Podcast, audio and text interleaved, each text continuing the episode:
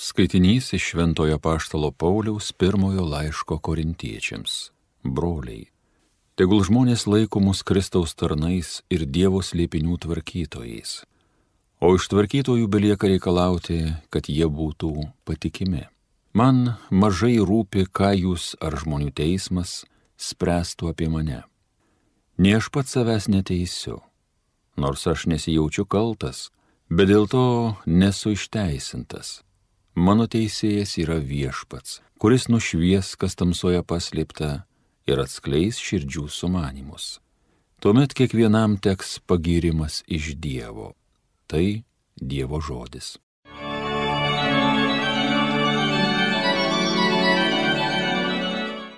Viešpats išgelbė teisiuosius. Viešpačių kliaukis gerą darykė. Tu gyvensi pažadėtoje žemėje, turėsi ramybę, Džiaugis, kad garbini viešpatį, jis tau suteiks, ko širdis tavo trokšta. Viešpats išgelbė teisiuosius. Viešpačiui savo likimą paveski, juo pasikliaukiai, jis padarys, ko tau reikia. Tavo teisybė leis pasirodyti kaip dienai, kaip dienovidžio grožiui, tavo jai teisiai.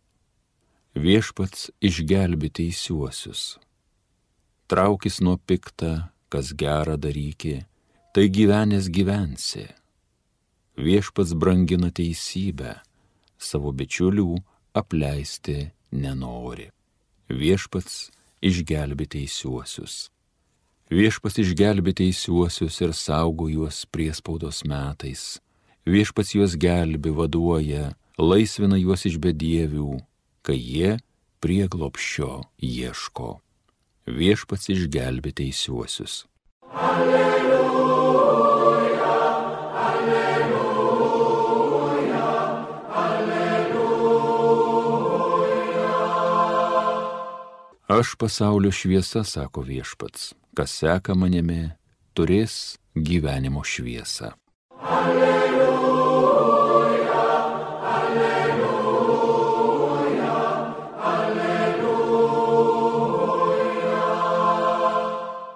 Viešpat su jumis. Pasiklausykite Šventojios Evangelijos pagal Luką. Fariziejai rašto aiškintojai sakė Jėzui, Jono mokiniai dažnai pasninkauja ir kalba maldas, taip pat ir fariziejų mokiniai, o tavieji valgo savo ir geria.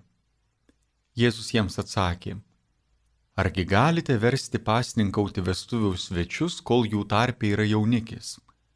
Ateis dienos, kai jaunasis bus iš jų atimtas ir tada, tomis dienomis jie pasninkaus. Jėzus dar pasakė jiems palyginimą. Niekas neplėšia lopo iš naujo apsausto ir nesivajo ant seno. Kitaip ir naujai jį suplėšytų ir senajam netiktų lopas iš naujojo. Taipogi niekas nepila jauno vyno į senus vynmaišius. Jaunas vynas suplėšytų vynmaišius, pats ištekėtų ir vynmaišiai niekais nueitų. Jauną vyną reikia pilti į naujus vynmaišius. Ir niekas gėrė seno vyno nenori jauno, jis sako, senasis geresnis. Girdėjote viešpatie žodį.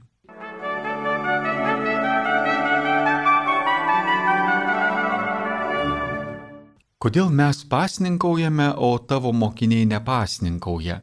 Girdime šiandien Jėzų užduodamą klausimą. Šis klausimas be nelabiausiai ir krinta į akis šiame Evangelijos skaitinyje. Ir mes turbūt dažnai to paties klausime, kodėl mes darome kažką gero, kodėl mes melčiamės, pasninkaujame, o kiti to nedaro.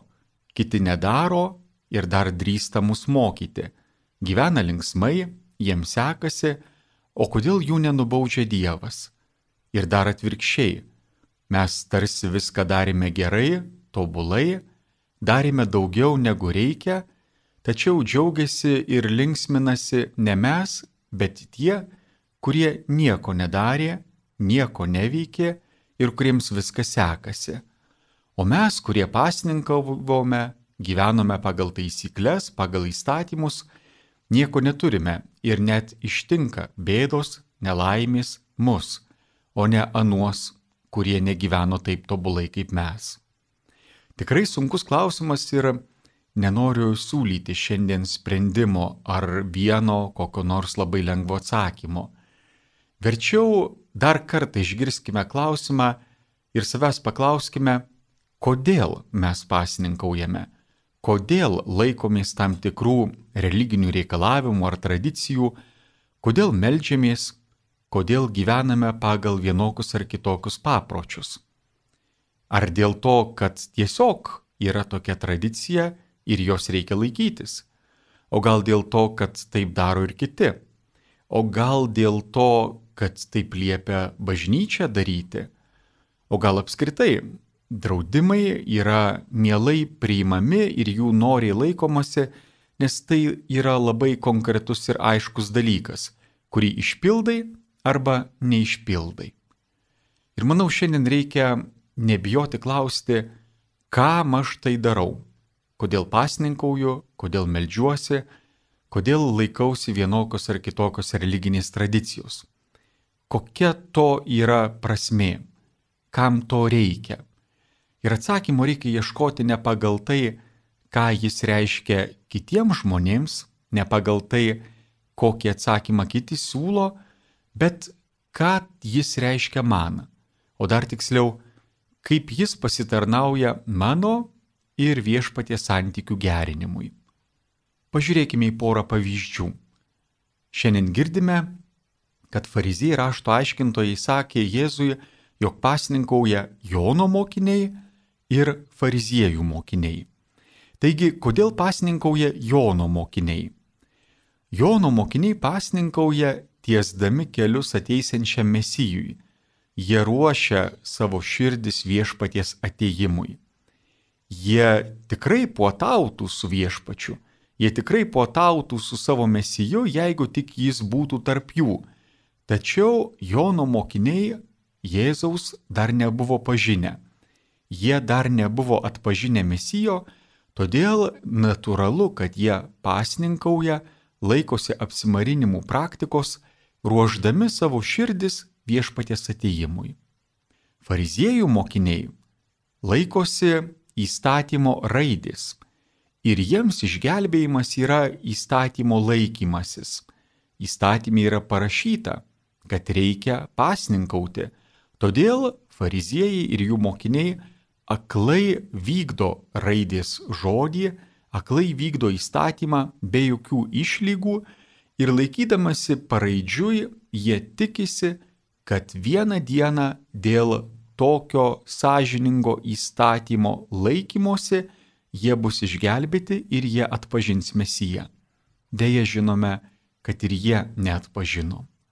Tuo tarpu Jėzaus mokiniai, kurie nepasninkoja, bet atvirkščiai puotauja su Jėzumi, jie moka skaityti laiko ženklus ir jie atpažįsta viešpatie kaip jaunikį. Jie atpažįsta tą, kuris teikia tikrąją gyvybę. Juk pasninkaudami, apsimarindami, ko nors atsisakydami, mes bandome atrasti kažką, kas pasotina mūsų gyvenimą daug labiau negu maistas, gėrimas ar kokie nors atsisakomi malonumai. Ir atrandame tokiu būdu, kad tikrasis mūsų pasotintojas yra pats viešpats. Kai ko nors tokojame, imame suvokti, iš kur tai kyla, kas visą tai mums duoda. Toks pasninkas apsimarinimas kreipia mūsų žvilgsnį prie šaltinio.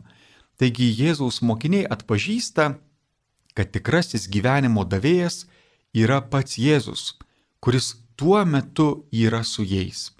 Ir tuo metu, kada viešpats yra kartu su savo mokiniais, jie potauja, linksminasi, jie pilnai prisikemša savo gyvenimus Dievo artumo tam, kad laikui atėjus, kaip Evangelija sako, tada, kada jaunikis bus atimtas, kad jie pilnai pasistiprinę jau galėtų išbūti dykumose, tamsose, apsimarinimuose, tose akimirkose, kada viešpaties jau nebebus ir tada, kada jie iš savo vidinių stiprybių turės semti savo drąsos ir jėgų.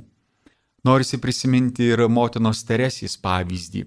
tosios, kuri puotavo kartu su viešpačiu, kuri kiekvieną dieną labai arti viešpaties buvo, tol, kol atėjo jos dykumos laikas.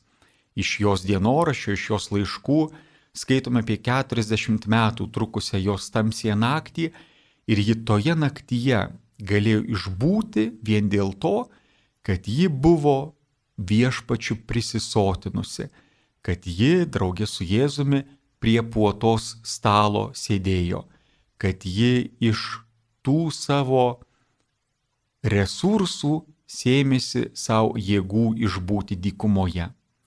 Taigi šiandien ir savęs paties klauskime, kodėl pasninkauju, koks yra to tikslas. Jeigu pasninkas neveda į susitikimą su Dievu ir kitu žmogumi, jis iš tiesų yra bevertis nes ne pats veiksmas, bet intencija yra svarbiausia. Iš tiesų yra svarbiausia žinoti, dėl ko melžiuosi, dėl ko pasninkauju, dėl ko atlieku kai kurias religinės praktikas ir ar tai mane veda į glaudesnį ryšį draugė su Jėzumi ir draugė su kitu žmogumi. Ar prisikaupiu pilnus savo širdies sandėlius, artumo su Dievu ir kitu žmogumi, kad dykumos laikui atėjus iš ten savo jėgų semčiausi.